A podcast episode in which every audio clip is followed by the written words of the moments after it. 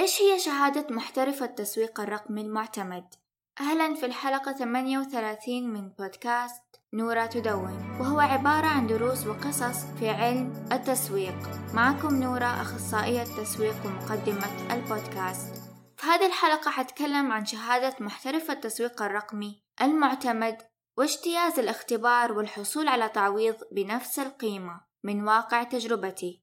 جائحة كورونا سرعت من التطور الرقمي وانتقال الشركات ومتاجرها للعالم الرقمي وصار في احتياج كبير وفرص عمل كثيرة في التسويق الرقمي.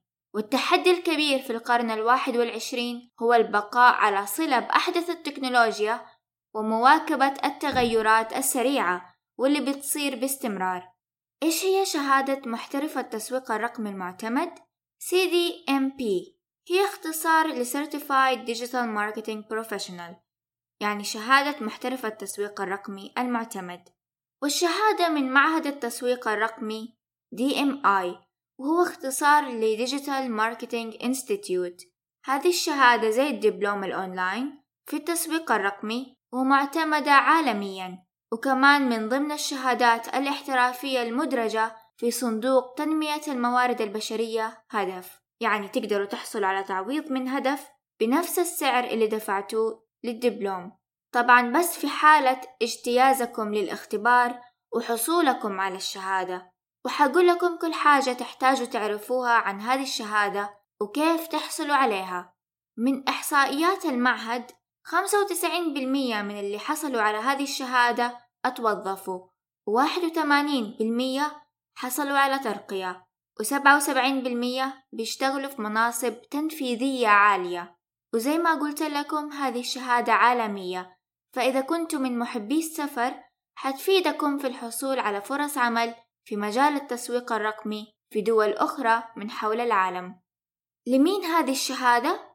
دبلوم محترف التسويق الرقمي المعتمد مناسب للمسوقين ومدراء التسويق وأصحاب الأعمال الصغيرة وكل الراغبين في تغيير مسارهم الوظيفي للتسويق ومناسب كذلك لرواد الأعمال وحديثي التخرج وكل شخص حابب يتعلم التسويق الرقمي وكمان اللي حابين يشتغلوا كمستقلين في مجال التسويق الرقمي يقدروا إنهم يصدروا وثيقة العمل الحر عند حصولهم على الشهادة والتقديم على وثيقة العمل الحر من خلال بوابة العمل الحر إيش اللي حتتعلموه في الدبلوم؟ هذا الدبلوم أو الشهادة الخاصة بمحترف التسويق الرقمي المعتمد بيتكون من عشرة وحدات أو أقسام.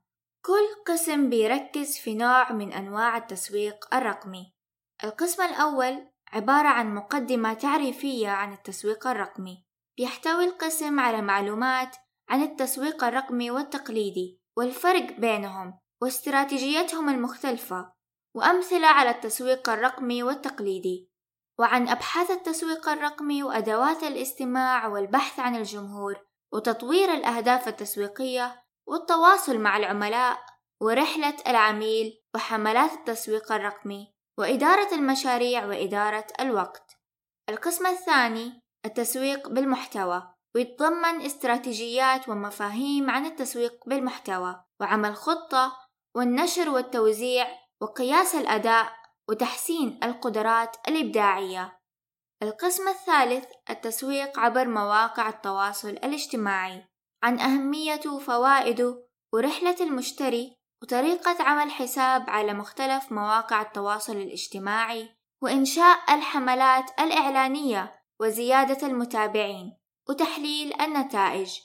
ومن ضمن مواقع التواصل الاجتماعي في هذا القسم هي الفيسبوك وتويتر ولينكد إن وإنستغرام وسناب شات.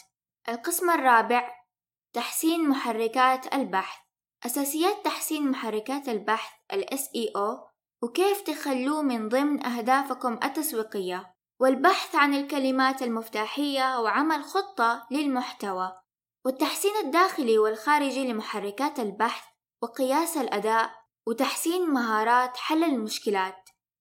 القسم الخامس الإعلانات المدفوعة على جوجل PPC أو Pay Per Click الدفع لكل نقرة.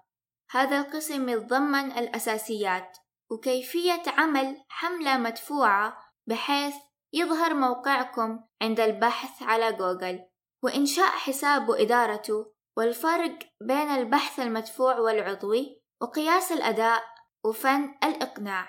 ويعتبر إقناع الجمهور من أحد المهارات اللازم معرفتها كمسوقين.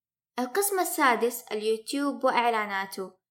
أساسيات إعلانات اليوتيوب وعرضها وإنشاء حساب على اليوتيوب وإعلانات اليوتيوب المختلفة والاستهداف الصحيح للجمهور وربط اليوتيوب بجوجل آدز وقياس الأداء والتقارير. القسم السابع التسويق بالبريد الإلكتروني. أساسيات التسويق بالبريد الإلكتروني والأتمتة التسويقية كإرسال رسائل تلقائية في حالات معينة مثلا عند تسوق العملاء في المتاجر الإلكترونية وتركهم للمنتجات في السلة تقدروا ترسلوا لهم رسالة تلقائية عبر البريد الإلكتروني لتذكيرهم بإكمال طلبهم. ومن ضمن هذا القسم أدوات واستراتيجية التسويق بالبريد الإلكتروني وتصميم البريد الإلكتروني وإنشاء حملة فعالة واختبار وتحسين الحملة البريدية وكيف تصيروا أفضل في التواصل في العمل وأنواع التواصل واستراتيجياته. القسم الثامن تحسين موقع الويب. هذا القسم يتضمن إنشاء موقع إلكتروني على WordPress وتصميم مواقع الويب وتحسينها وأساسيات تصميم مواقع الويب والتركيز على المستخدم في التصميم. وقياس أداء الموقع وعن ال Agile. هذه منهجية أو مبادئ في عملية تطوير البرمجيات. بيتم اتباعها في إنشاء وتطوير مواقع الويب والتطبيقات وعن فائدتها للمسوقين. القسم التاسع التحليلات باستخدام تحليلات جوجل أو Google Analytics أساسيات تحليل الويب إنشاء حساب على Google Analytics واستخراج البيانات والتحليلات اللي تحتاجوها لعمل تقارير عن الأداء. ووضع الأهداف وإدارة الحملات باستخدام جوجل أناليتكس. القسم العاشر والأخير استراتيجية التسويق الرقمي.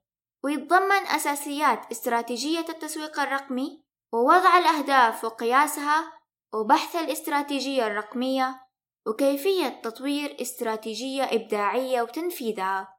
وكيف كمان تصيروا مفكرين استراتيجيين.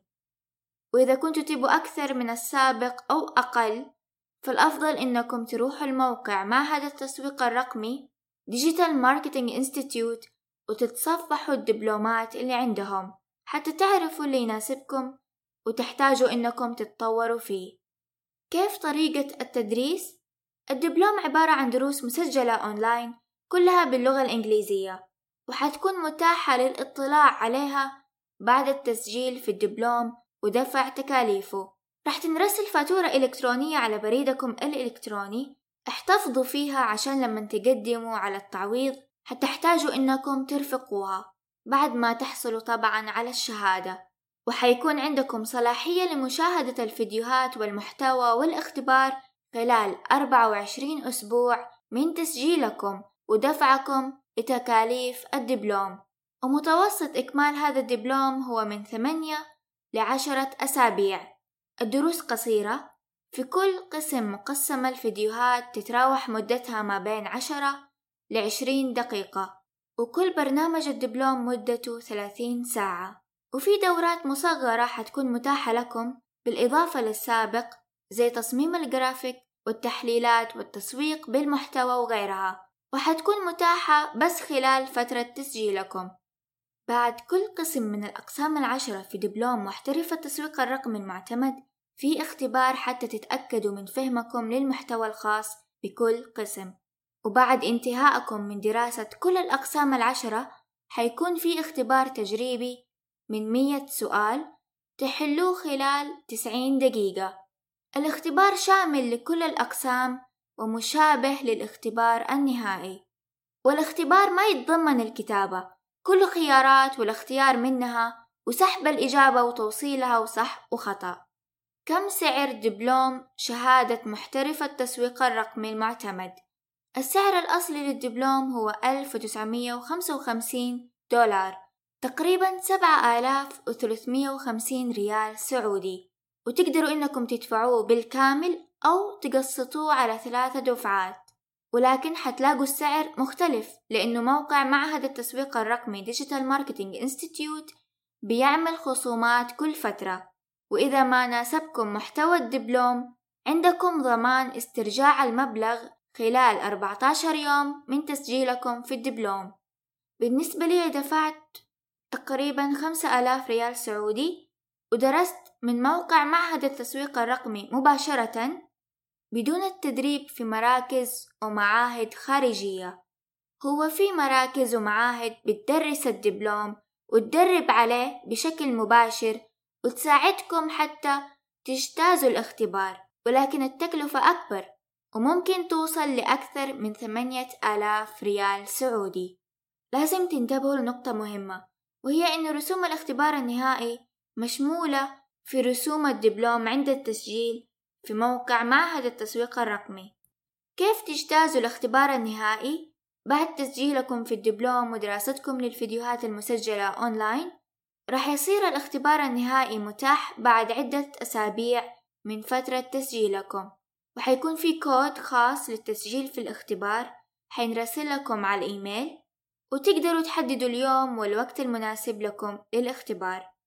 في مراكز حول العالم لإجراء الاختبار فيها. وتقدروا كمان تختبروا أونلاين. بالنسبة لي اخترت أونلاين وكان الاختبار النهائي زي محتوى الدبلوم باللغة الإنجليزية. قبل إجراء الاختبار النهائي الأونلاين حيطلبوا منكم تصوير غرفتكم اللي حتختبروا فيها من كل الجهات وتصوير بطاقة الهوية. وحيتكلم معاكم شخص يتأكد من تصويركم لمكتبكم اللي حتختبروا عليه ولازم يكون فاضي ما عليه أي شيء غير جهازكم اللي حتختبروا منه. وبالنسبة لجوالكم لازم يكون بعيد عنكم بحيث ما توصل يدكم له.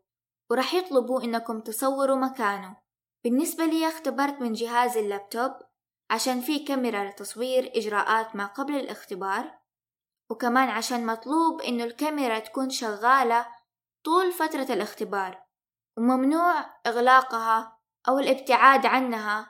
وأي محاولات للغش في الاختبار رح يؤدي لإلغائه. ومدة الاختبار هي ثلاث ساعات تقريبا 180 دقيقة. والاختبار عبارة عن أسئلة من كل قسم من الأقسام العشرة والأسئلة مشابهة للي موجودة على الموقع بعد كل قسم ومشابهة كمان للاختبار التجريبي. لازم إنكم تجتازوا الاختبار النهائي حتى تحصلوا على الشهادة. ودرجة الاجتياز هي ستين درجة لكن ما رح يتم كتابتها على الشهادة. ورح يرسلوا لكم الشهادة بعد شهر من اجتيازكم للاختبار. يعني إذا اختبرتوا في شهر يناير واجتزتوا الاختبار فرح يرسلوا لكم الشهادة عبر البريد الإلكتروني في شهر فبراير يعني الشهر التالي. ولكن حتكونوا عارفين نتيجتكم بعد الاختبار لأنه حيكون في زي التقرير عن عدد الأسئلة من كل قسم وعدد الأسئلة اللي جاوبتوا عليها مع درجتكم. إيش يصير لو ما اجتزتوا الاختبار النهائي؟ عندكم ثلاث محاولات. إذا ما اجتزتوا الاختبار في أول محاولة حيبقى لكم محاولتين إضافيتين. ولكن لازم تدفعوا رسوم إضافية لكل محاولة. رسوم الاختبار هي 60 يورو تقريبا 238 ريال سعودي. لكل محاولة من المحاولتين الإضافيتين وبين كل محاولة والثانية لازم تنتظروا فترة من الزمن.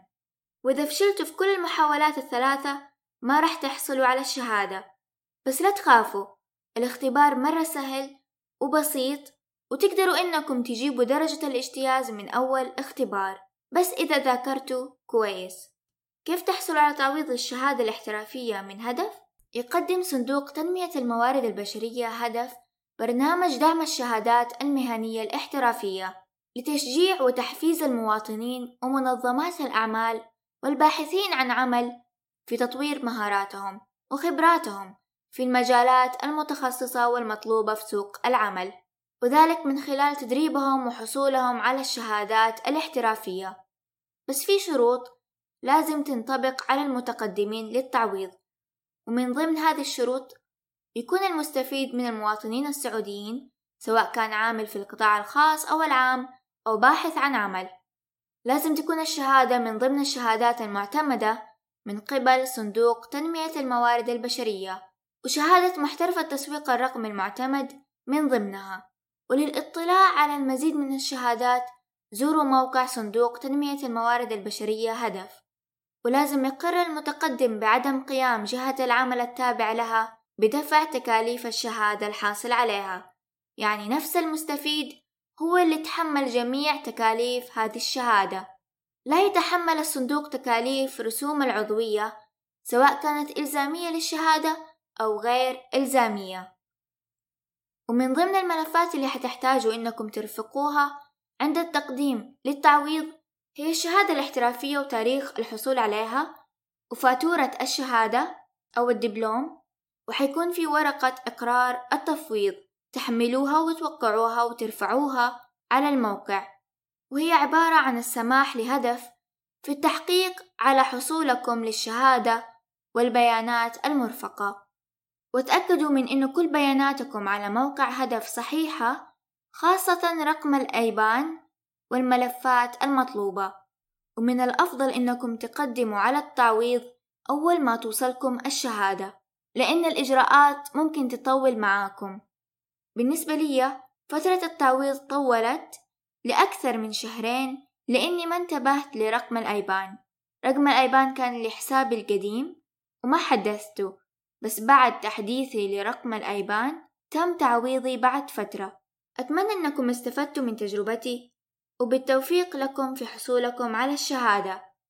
إذا كان عندكم أي استفسار اكتبوه في التعليقات ولا تنسوا تعملوا لايك والاشتراك في قناتي وشكرا لكم.